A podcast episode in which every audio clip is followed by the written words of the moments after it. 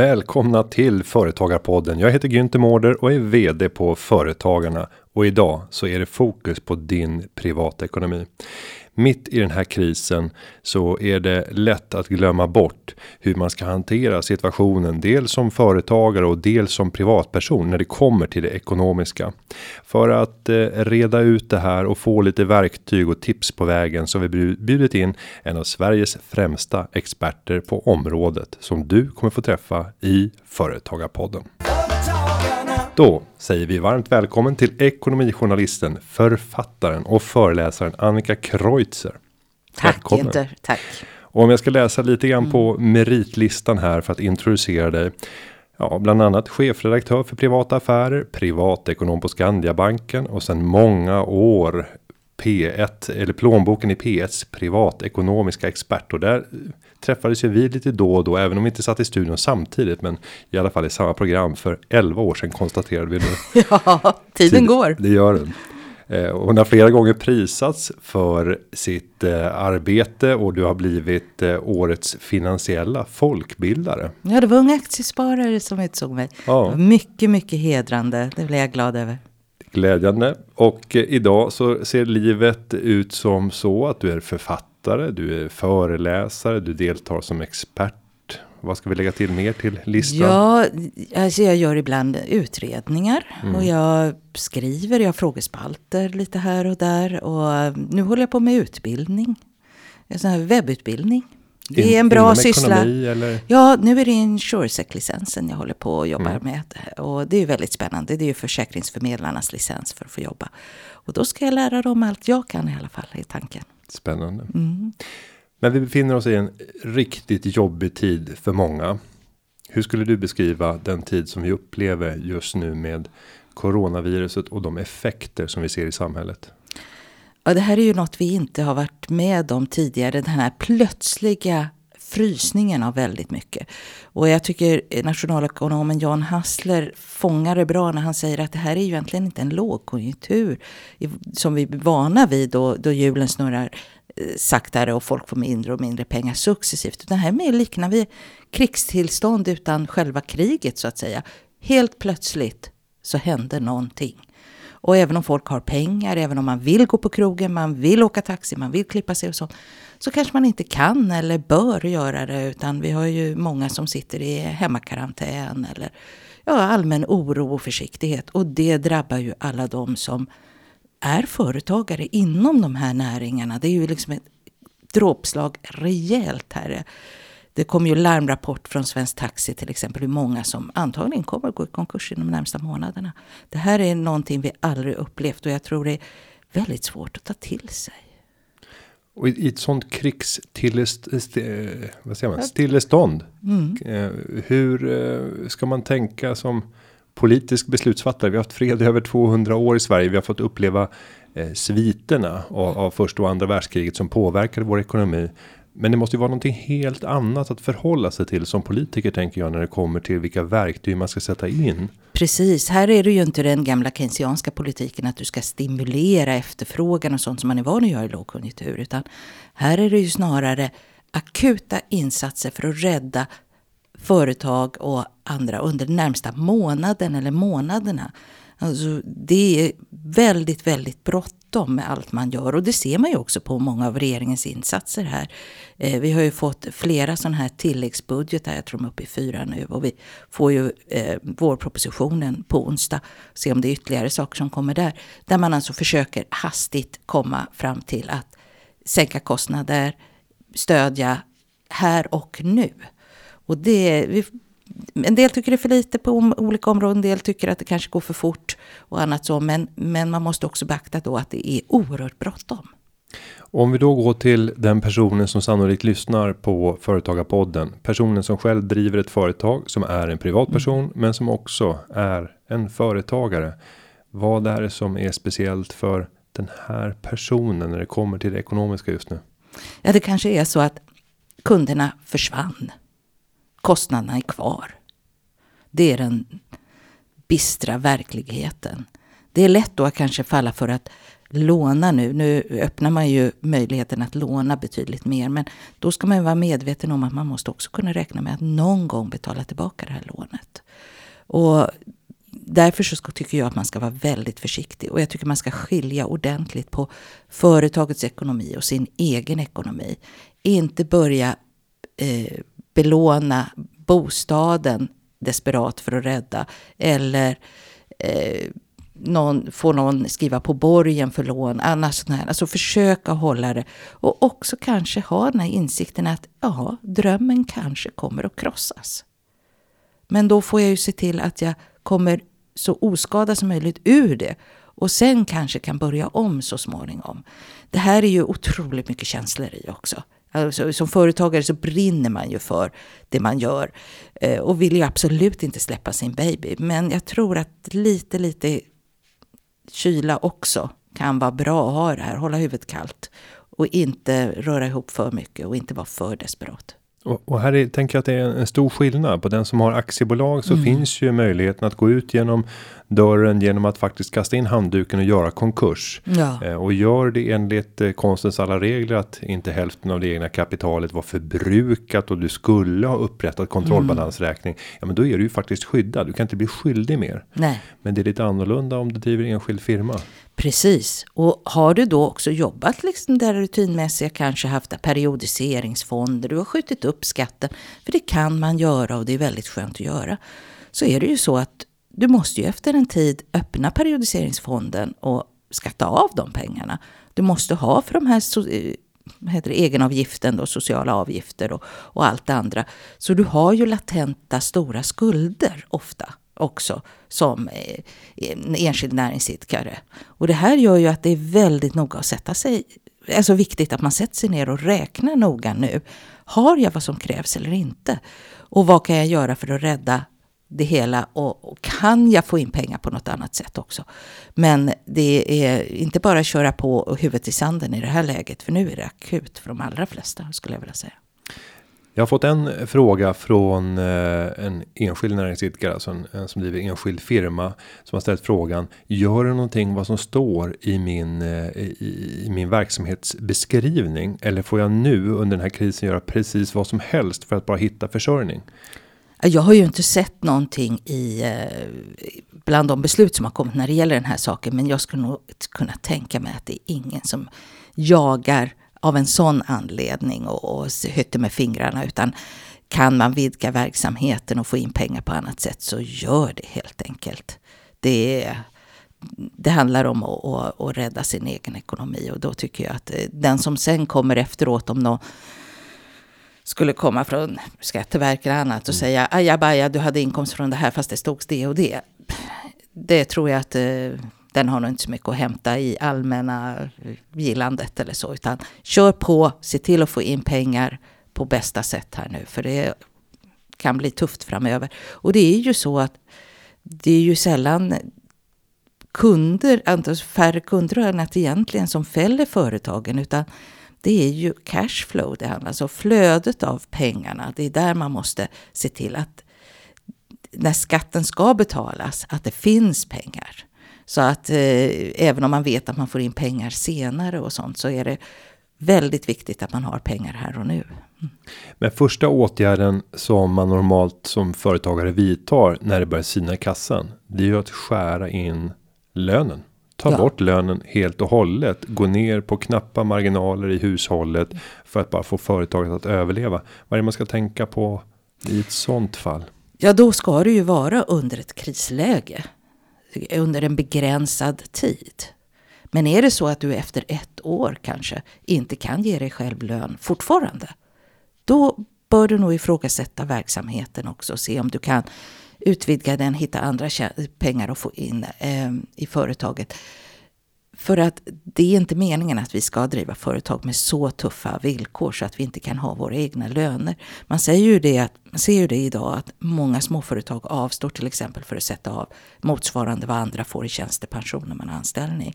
Eh, och om du dessutom inte tar lön då får du inte allmän pension heller. Och beräkningar som har gjorts, bland annat Swedbank, Länsförsäkringar och sånt, är ju att småföretagarna riskerar ju att bli morgondagens fattigpensionärer.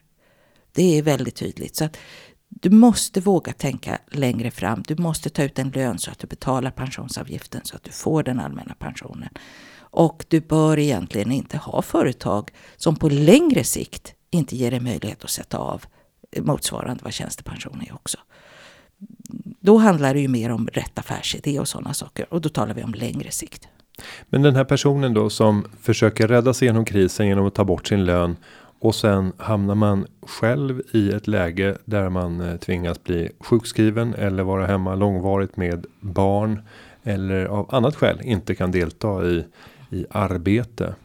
Vad händer rent, eh, rent tekniskt där? Ja, alltså tittar vi då om det anmäls att man då inte har någon lön så har man ju heller inte hela socialförsäkringsstödet. Och det är ju väldigt allvarligt. För då har du inte någon sjukpenning när du blir sjuk.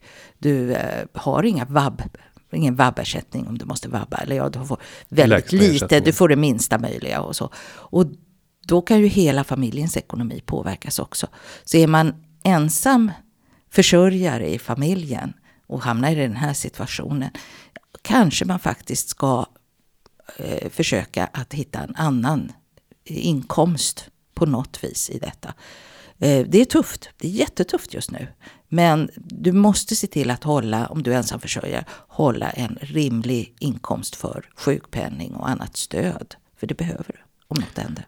Och nu ska inte vi gå in på några detaljer kopplat till a-kassan, men jag hör flera företagare som uttrycker att man får problem när man under eh, flera månader inte har tagit ut någon lön och sen kontaktar man a-kassan och säger kan jag få ersättning härifrån? Mm. Och så säger de, ja men du har ju ditt bolag fortfarande igång. Ja.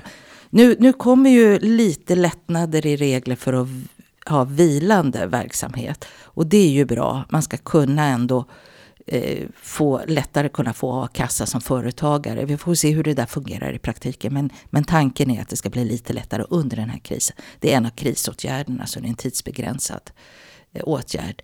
Eh, men så här är det ju i andra fall också. Att det är väldigt svårt med det här med a-kassa. Och talar vi med den så talar vi om de som har kanske enskild näringsverksamhet men gör en del eh, uppdrag med A-inkomst, alltså där det finns en arbetsgivare blandat med några andra saker som man inte kan säga om det är det ena eller andra, om det är uppdrag enskilt eller anställt och sånt. Alltså gig-ekonomi-mixen.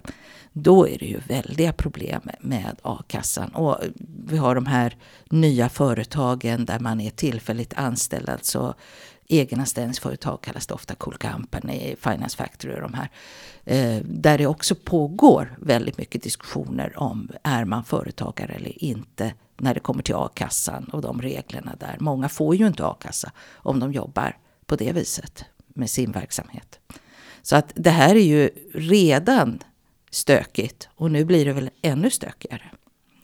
Och nu befinner vi oss mitt uppe i krisen och det kanske är för tidigt att spå kring framtida effekter och vad krisen kan få för konsekvenser på företaget. Men jag kan inte dra mig från att eh, faktiskt tänka tanken att företagare framöver kommer bli än mer försiktiga med att anställa och i ännu högre utsträckning istället köpa de eh, tjänster som man behöver via andra företag eller via personer som är egenanställda.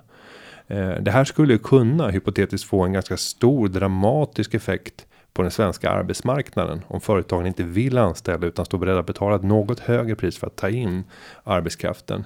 Gör du bedömningen av att den här utvecklingen som vi faktiskt redan sett innan att den kommer att kunna accelerera efter en sån här kris? Ja, det, den, den risken finns helt uppenbart. Men det finns ju också då, det här ser vi ju just de här åtgärderna som har kommit med eh, man vad heter det, deltidspermitteringar, eller vad heter det? Korttidspermittering. Kort, korttidspermitteringar och stöd just, för lönestöd och sånt. Som ska gynna de som har anställda.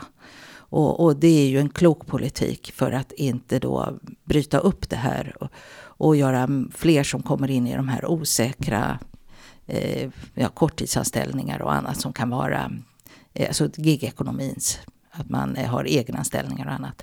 Så visst finns det hotet, helt klart. Ett annat hot som jag tycker är allvarligt också, det är ju att slås småföretagen ut? Slås uppstickarna ut? De här som verkligen utmanar etablissemanget. Då kan ju etablissemanget härja fritt sen med högre priser, tuffare villkor både för underleverantörer och konsumenter och så. Men eh, försvinner småskuttarna då blir det ju ofta i många branscher oligopolsituationer och sånt. Och det gynnar varken näringslivet eller eh, konsumenterna. Och det gynnar inte landet heller. Så att det är just viktigt att, att vi får ha kraften kvar i de små uppstickarna. De nya, tuffa, de som gör att i alla fall ehm, alla gör sitt bästa hela vägen. Men om vi går till den här gruppen eh, enskilda näringsidkare de personerna som driver enskild firma. Där är det en liten annan logik jämfört med aktiebolaget och det är eh, färre kanske som har anställda inom ramen för enskild firma. Jag vet att det förekommer en hel del enskilda firmor eh, där man har mycket anställda och jag fick höra ett rätt märkligt skäl när jag var ute på en mindre ort. Då var det en eh, stor handlare som sa att jag är inte intresserad av att andra här i eh, byn ska se vad jag tjänar. Så därför drev han enskild firma och hade väl ett 20-tal anställda i företaget. För att enskild firma är det sämre inblick i. Mm. Du kan se uh, ungefär hur mycket du har omsatt givet uh, den moms du har betalat in. Men det, du får inga exakta uppgifter och du ser inte hur mycket personen tjänar om man inte går till den personliga deklarationen. Mm. För där kan man ju faktiskt utläsa det. Mm. Men om vi eh, tittar på den gruppen enskilda näringsidkare som är ungefär en halv miljon mm. någonstans. Eh, några av dem gör det som hobbyverksamhet. Eh, många gör det som sin fulla försörjning. Mm. Vad kan de ta del av när det gäller de krispaket som hittills har presenterats?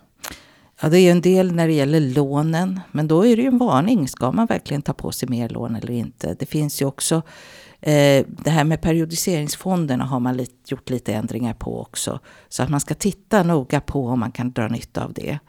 Och när det gäller egenavgiften som man betalar, alltså motsvarande arbetsgivaravgiften fast man gör det som enskild näringsidkare. Där är det ju generellt sänkt nu i fyra månader till bara pensionsavgiften 10,61 procent. Och det handlar bara om att sätta kryss i rätt ruta på pappret in till Skatteverket.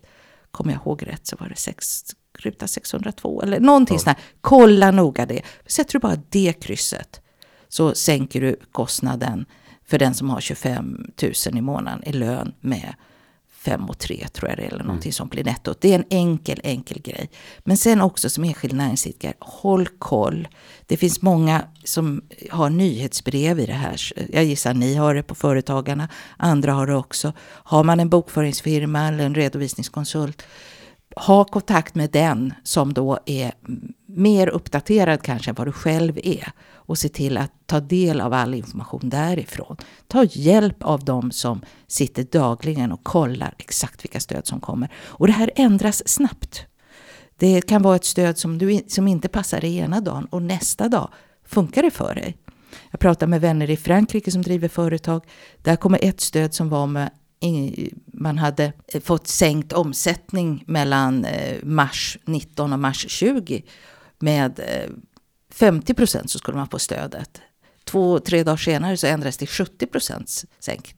Nej, förlåt, från 70 procents sänkning skulle man få stödet. Så ändrade de till att det räckte med 50 procents sänkning av omsättningen. Och det blev jättemycket pengar till det här företaget i stöd då. Så att det händer hela tiden och länderna sneglar på varann. Det stödet du ser i ett land, det kanske kommer här till oss snart. Och sen eh, man byter erfarenhet. För det här är ju då snabba åtgärder. Så att det gäller ju att fånga upp alla möjligheter att använda de här extra pengarna så effektivt som möjligt, statskassans pengar och, och det den här EU-fonden som kommer och så. Så mm, det är väl det man kan göra. För att sitta som enskild näringsidkare, försöka driva verksamheten och samtidigt hålla reda på alla åtgärderna, det är ju inte rimligt. Nej, jag brukar nästan alltid säga, jag vet inte om du håller med om det rådet, att låt någon annan sköta din ekonomi. Gå till en bokföringsfirma som kan sköta det så att du kan ägna dig åt det du är bäst på. Ja. Eh, och då får du dessutom en sparringpartner som i det här läget kan ge dig den information du behöver för att hantera situationen. För det är det enda de gör på dagarna. Mm. Det är att följa de här regelverken för att se vad är det vi ska tillämpa och det gör att du spar väldigt mycket tid som du kan ägna åt åt annat istället. Du har helt rätt. En del drar sig för den här utgiften, men jag skulle nog säga att det är väl värda pengar. Det är absolut så att försök inte själv. Visst, det finns dataprogram som hjälper till och signalera det ena och det andra och så, men här märker vi verkligen hur viktigt det är att använda sig av proffsen som finns i omgivningen. Och tar vi just det där som du nämner som det franska exemplet med ett omsättningsstöd så skulle inte jag döma ut att vi står ganska nära ett sånt eh, politiskt förslag i Sverige. I de kontakter som jag har just nu med politiska partier så märker jag att det börjar röra sig. Vi märker hur Liberalerna och Centern uttalar sig positivt kring det. Eh, Kristdemokraterna tryckte på rätt ordentligt här i, i tisdags morse kring frågan och jag ser ett skriande behov av att för de företag som har drabbats av någonting som man kan likna vid ett stillestånd. Mm. Att man kan faktiskt få en ersättning. För det här är ju politiskt skapat. Det är ju till följd av de politiska besluten som vi har hamnat här. Sen ska man inte glömma vad det är som har orsakat de politiska besluten. Mm. Eh, det är en lång råtta på repet eh, det här. Men eh, vi kommer att vilja gå tillbaka till ett Sverige där det finns det som vi kände igen från tiden före. Och det kommer det inte göra om den här krisen blir utdragen i flera månader till. För många små företag klarar inte det. Mm. Nej, det var därför jag tog upp det franska exemplet. Jag tror mm. också att det ligger åt det hållet. Och det visar ju också hur viktigt det är att som företagare ha en bra bokföring, vita pengar, ha en tydlig omsättning. För om det då ska jämföras med den omsättning du har nu ett år senare så är det och det är ju en rimlig grej att bra företag som har varit livskraftiga för ett år sedan, de ska ha stöd idag också för att eh, komma över den här svackan och sen kunna vara livskraftig efter det också. Så vi får väl se om det blir något sådant stöd. Ehm, jag föredrar ju att man går in på de här företagen som har fått den här käftsmällen annat än att man diskuterar som en del andra att man ska sprida helikopterpengar i samhället. Alla hushåll ska få x kronor för att konsumera mer. För det här är ju inte det som är problemet. Människor har ju generellt sett pengar att konsumera för. Det är bara det att vi inte kan göra det. Och därför jag tog upp eh, Hasslers eh, distinktion i början. Alltså att det är ju inte lågkonjunktur. Det är inte det vi behöver. Så att pengar man diskuterar att använda som helikopterpengar. Man talar till exempel fördubblat barnbidrag eller något annat sånt där. Visst är det trevliga pengar, men jag tror inte det är de bäst använda pengarna i det här läget. Nej, för vad tror du kommer hända om man skulle göra på det sättet? Låt oss säga att man tredubblade barnbidraget och man la till 2000 extra kronor på alla som mottog pension i Sverige. Vad hade hänt med de pengarna mest sannolikt? Ja, vissa som har det dåligt ställt hade ju antagligen fyllt i de hål de har. Men då är det postorder, kläder på postorder mm. och liknande. Eh, men de allra flesta i ett sånt här läge som liknar mer ett krigstillstånd så blir man ju rädd om man sparar. Så att det hade ju gynnat bankerna i största utsträckning. Vi hade satt in pengarna på banken. Och vi hade kanske inte vågat placera i fonder och aktier eller någonting sånt, utan bankkonton. Och det är ju inte det bästa. Det hade inte gjort någon nytta för, för Nej, jag tror inte det hade gjort så stor mm. nytta för företagen. Du går inte mer på krogen för att få de pengarna om du är en person som annars brukar gå på krogen och har råd med det. Utan du går inte på krogen idag därför att du kanske måste sitta hemma karantän, du är över 70. Eller det finns en annan orsak som gör att du drar dig för att göra det. Så att det är ju, eh, där tycker jag inte, eh, jag tycker inte det är väl använda pengar i så fall. Har du några generella tips och råd eh, kring vad man ska göra om man märker att det börjar se riktigt illa ut i mitt företag oavsett om det är ett aktiebolag eller enskild firma. Om jag ser att nu eh, är jag inte långt bort från konkurs om jag ska leva upp till alla de ingångna avtal som jag har. Hur bör man agera i ett sånt läge? Ja, det är ju inte sticka huvudet i sanden först och främst, men kanske också ta fighten med hyresvärdar, annat sånt där och säga, vill du ha kvar mig? För du slipper renovera lokalen och skaffa någon ny hyresgäst längre fram. Du vet inte hur lång tid det kan ta. Nu slår ju massa butiker igen och annat. Ge mig hyresfritt. Jag menar, så förhandla ner alla avgifter du kan. Men är du i det här riktigt nattsvarta läget, ja, då är det ju ta hjälp av ett proffs för att avveckla på bästa möjliga sätt som skadar din egen ekonomi så lite som möjligt. Det är nog rådet. För då handlar det om att du måste kanske stänga butiken. Nej, och just det där rådet. En, en företagare som gör affärer med dig kommer ju naturligtvis att vilja ha kvar en relation och göra allt som går för att du ska överleva. Mm. För det finns ett egenintresse i det, för annars så förlorar man en framtida intäkt. Mm. Eh, och att då flytta betalningen ytterligare en månad framåt eller två månader halvera just den här fakturan det är ju bättre än att helt förlora alla framtida intäkter från den här. Så att fundera också på värdet av dig själv och det du har gjort och de relationer som du förhoppningsvis har byggt upp. För många företagare är ju, om man tittar på småföretagare, väldigt generösa. Gör väldigt mycket mer än vad de egentligen är så att säga enligt avtal avtalade att göra. Mm. För man vill visa sig duktig. Eh, genom det här så kanske du har byggt upp väldigt starka relationer som gör att du har ett osynligt kapital som inte går att ta på men som mm. kan hjälpa dig i den här krisen. Helt rätt. Och, och, inför det här så pratade vi mycket om innan vi satte på mikrofonerna om hur man kan betrakta sitt kontaktnät och du pratade om att det är ett kapital. Visst är det det. Vill du utveckla? Jo, jag, jag tycker ju att eh, om man startar ett företag så ska man bara inte titta på det här vanliga, göra kostnadsintäktsanalysen och budget, ja allt det här. Så, utan titta också på vad har du för några som är presumtiva kunder, som är presumtiva rådgivare, som är i ditt nätverk. Och börjar man tänka efter, börja prata lite och så, så har de flesta människor bättre på det kapitalet inom citat än vad de kanske tänker på från början. Eh, och det är ju det som är, kan vara stödet, tryggheten när det blåser hårt som det gör just nu. Men du var inne på det här med att förhandla också så skulle jag vilja lämna en vädjan till de stora företagen, de som har små underleverantörer. Att verkligen värna sina underleverantörer i det här läget. Jag vet att många storföretag är pressade. Eh, de permitterar, de får mm, stöd av olika slag och så. Använd också hjärtat när det gäller att se till att de här underleverantörerna överlever. Var generösa. Se till att betala fakturorna snabbt så att det finns pengar i kassan. Dra inte ut på det nu utan ni kommer behöva småföretagen framöver.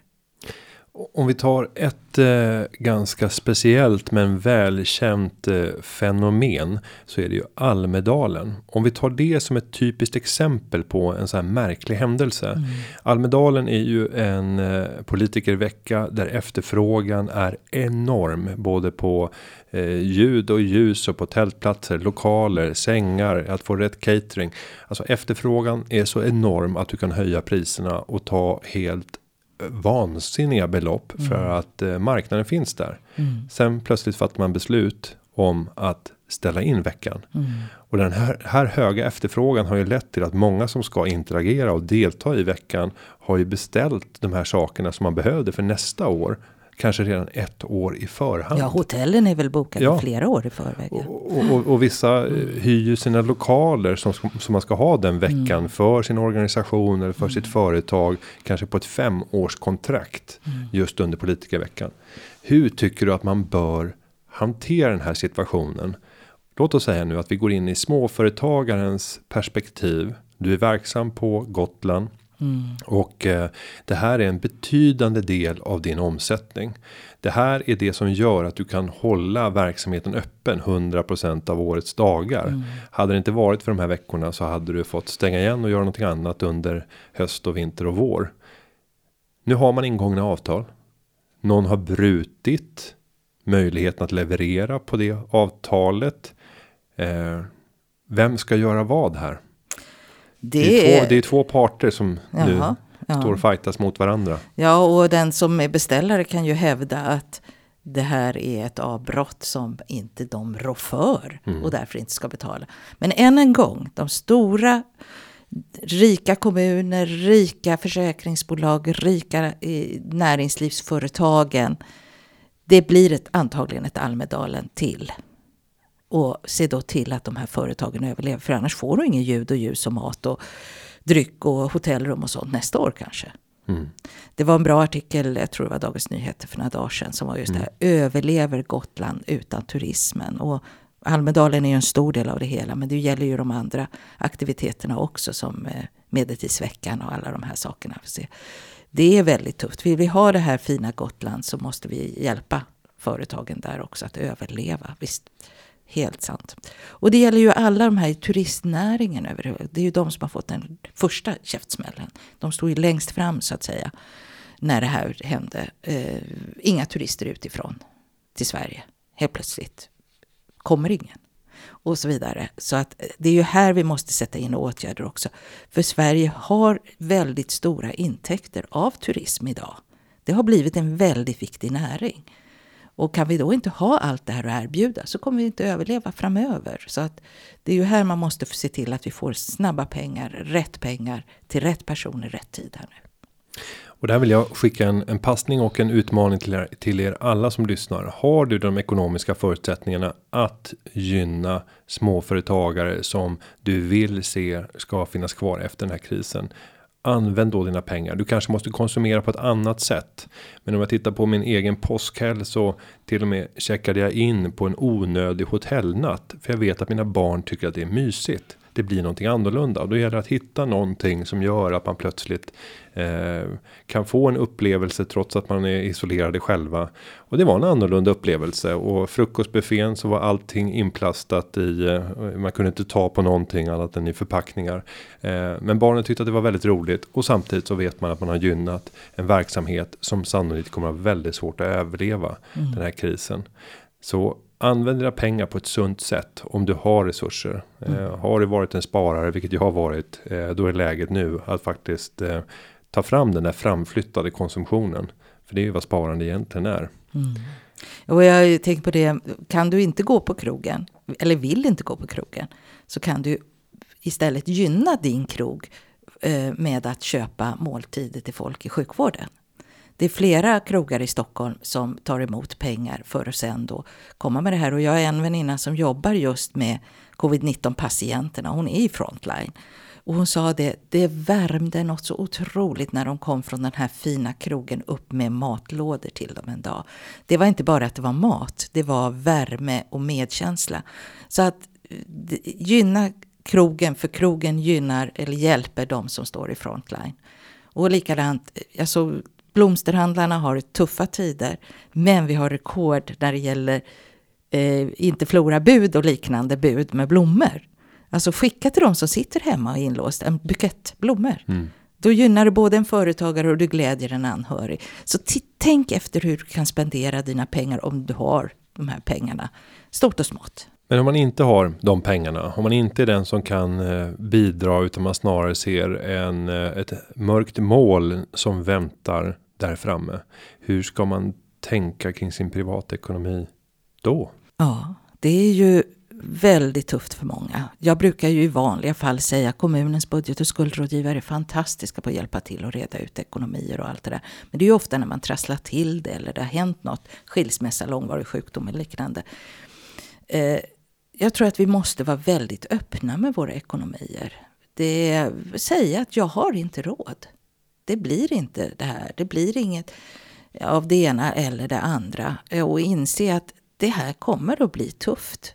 Först, få barnen att förstå att nu, nu gör vi inte de sakerna vi brukar göra. Nu gör vi något annat istället. Som kanske kostar betydligt mindre. Ehm, så generellt sett, säg till att du, du har inte, du kan inte göra de här sakerna med vänner och bekanta längre. Och det kanske visar sig, vilket brukar vara fallet, att det är fler som är i samma situation. Så att eh, det är en utomhuspicknick där man sitter långt ifrån varandra kan man alltid göra med egen mat som man tar med. Så att man får det sociala tror jag är väldigt viktigt. Alltså man, man har varann. Men att man faktiskt är öppen med att man har inte råd att göra de dyra grejerna längre.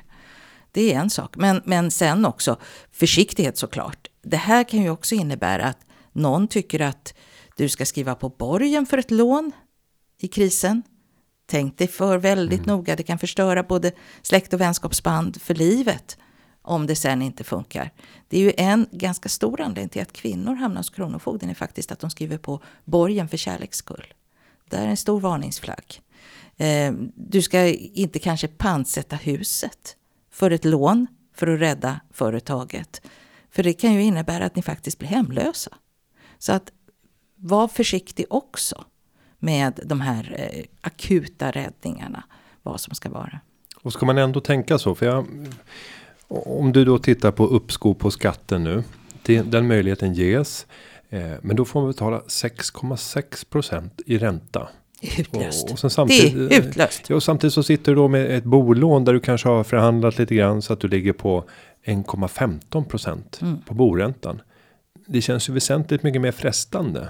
Jag tar men, ut bara ett vanligt bolån inom din ekonomiska ram som känns rimlig, ja. Och så länge du sköter ett bolån Även om huset faller i värde, även om din inkomst blir jätteusel, så säger ju lagen numera sedan 2014 att banken får inte säga upp ett bolån så länge du sköter det.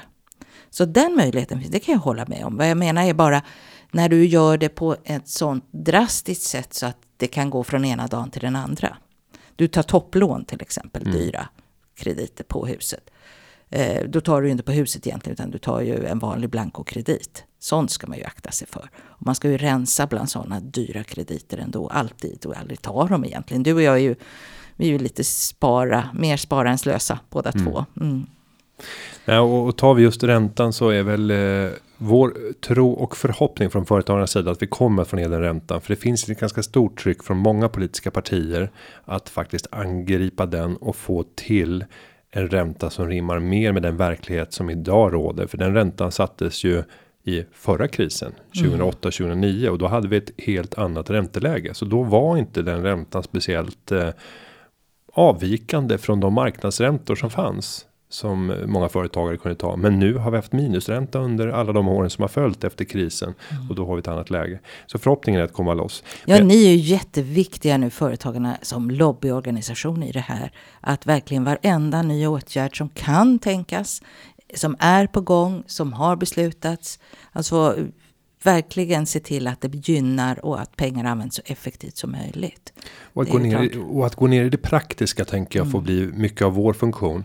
För att eh, från politiskt håll så kan man göra väldigt vackra konstruktioner mm. med reformer och stödpaket. Men som när man väl ska implementera och tillämpa de här eh, mm. krispaketen så blir det närmast omöjligt. Ta det här med hyresrabatten. Mm. Eh, så säger man att ja, staten står beredd att ta hälften av en hyressänkning om parterna kommer överens om det. Och de branscherna där det är aktuellt och så räknade Ibrahim Baylan nu några mm. veckor senare upp ett antal branscher. Där säger att ja, men det är framförallt de här branscherna som vi tänker oss. Jo, men det är fortfarande två parter som ska komma överens om mm. det här. Mm. Det blir ju en konflikt här.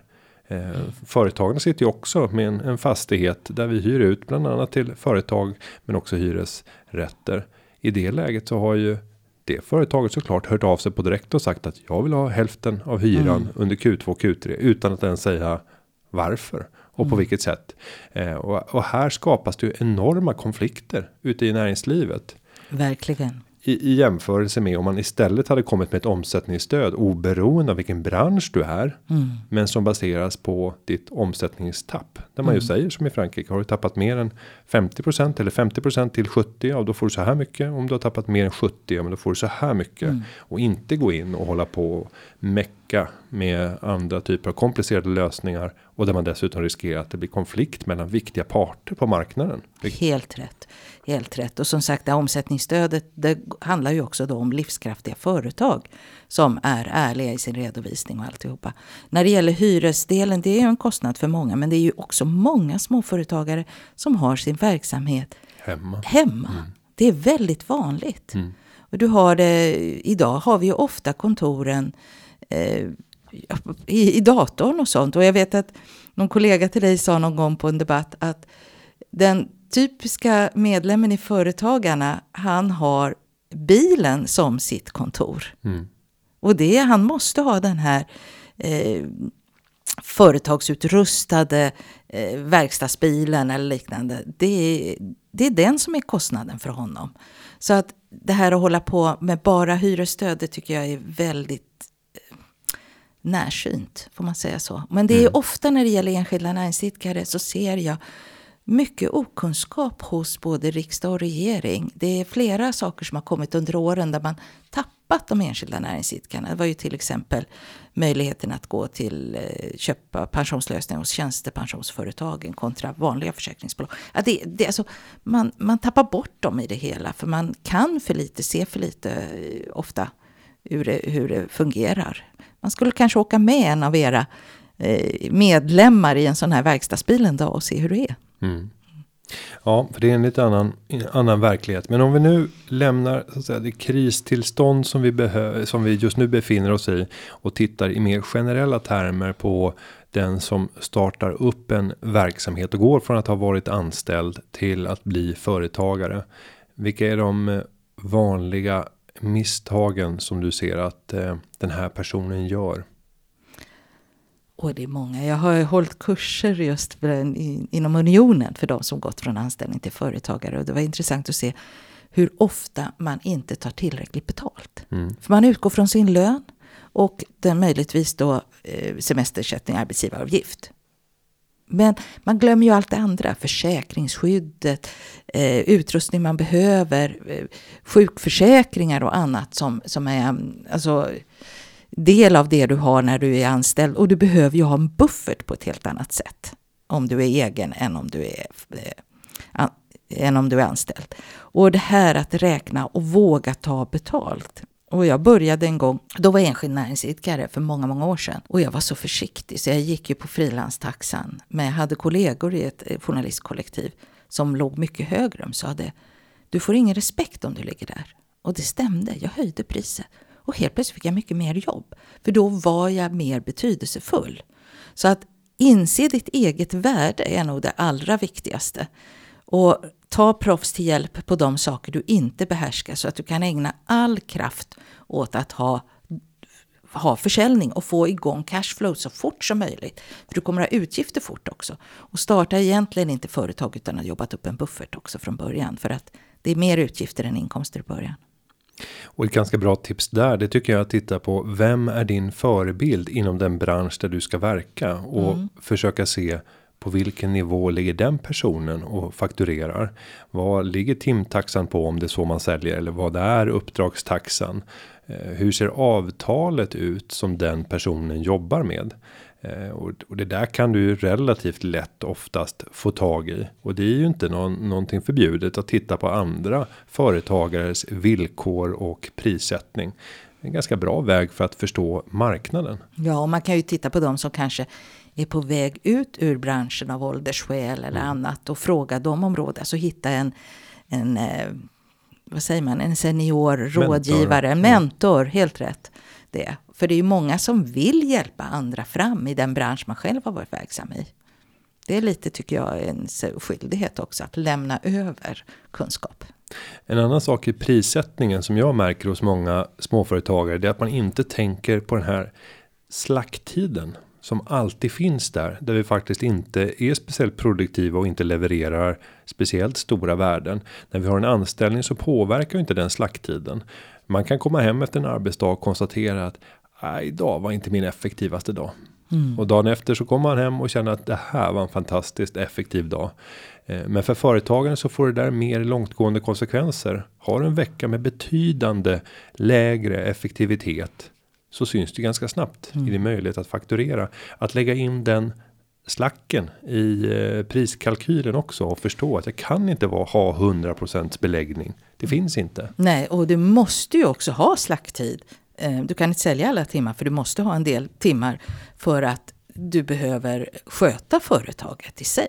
Mm. Du kanske behöver göra enklare grejer inför bokföringen. Du kanske har datatrassel någonting. Alltså, det finns ju många timmar som du inte kan ta betalt för också. Så att eh, en rimlighet där, eh, det är ju också, utan jag räknar baklänges. Eh, vad behöver du i, ha in för att gå runt? Och räkna på att du kan sälja kanske hälften av timmarna. Ja, vad innebär då det för timpris? Att börja i alla fall att tänka och sälja hälften det är oftast ganska normalt. Som du säger, man kan inte sälja alla timmar. Och sen den som säljer alla timmar, den går ju snart in i väggen när de ska sköta allt annat vid sidan om. Det är ju många som sitter och pular med sin bokföring vid köksbordet sent på nätterna och på helgerna och annat sånt där bland företagare. Och ett av dina specialområden är ju pension. Mm. Ska man börja tänka på pension redan när man är nystartad? Jag tycker man ska ta, se till att få utrymme för att sätta av. Om det sen är långsiktigt sparande i sig eller för pension. Det, det kan ju ge sig. Men det är otroligt viktigt att man ser till att spara också i företaget så fort som möjligt. Bäst är ju givetvis att låsa pengarna i en eh, motsvarighet till tjänstepensionen då man är enskild näringsidkare eller vara god arbetsgivare i enmansaktiebolaget och ge sig själv som anställd en, en pension. Och där kan man ju ha i, stopp, sätta in engångspremier eller någonting sånt. Så att man inte har kostnad varje månad eller man lite dragspel i det hela. Men det hör ju till. Det är vad andra människor har som är anställda i stor utsträckning. Eh, och det ska du också ha. Du är värd det. Men viktigt är ju också att man tar ut lön.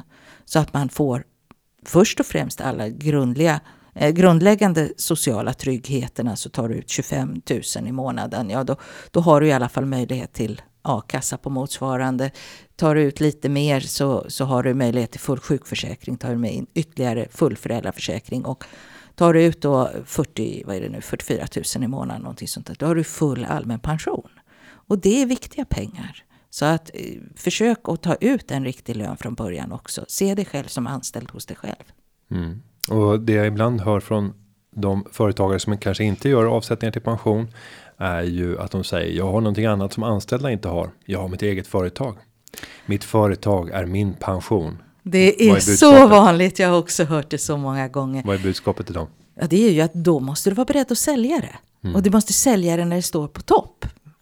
Men det är ju så svårt att skiljas från sin baby. Så ofta blir det ju att det går sämre och sämre och sämre. Och den dag så kanske inte företaget är något värt. Du håller kvar vid det högre upp i åldrarna. Du orkar inte jobba lika mycket som tidigare. Eh, så att det, och du kanske inte då... Alltså, så att sälj i tid i så fall. Och var beredd att se det som en affär och inte som ett livsprojekt. Men det är jättesvårt.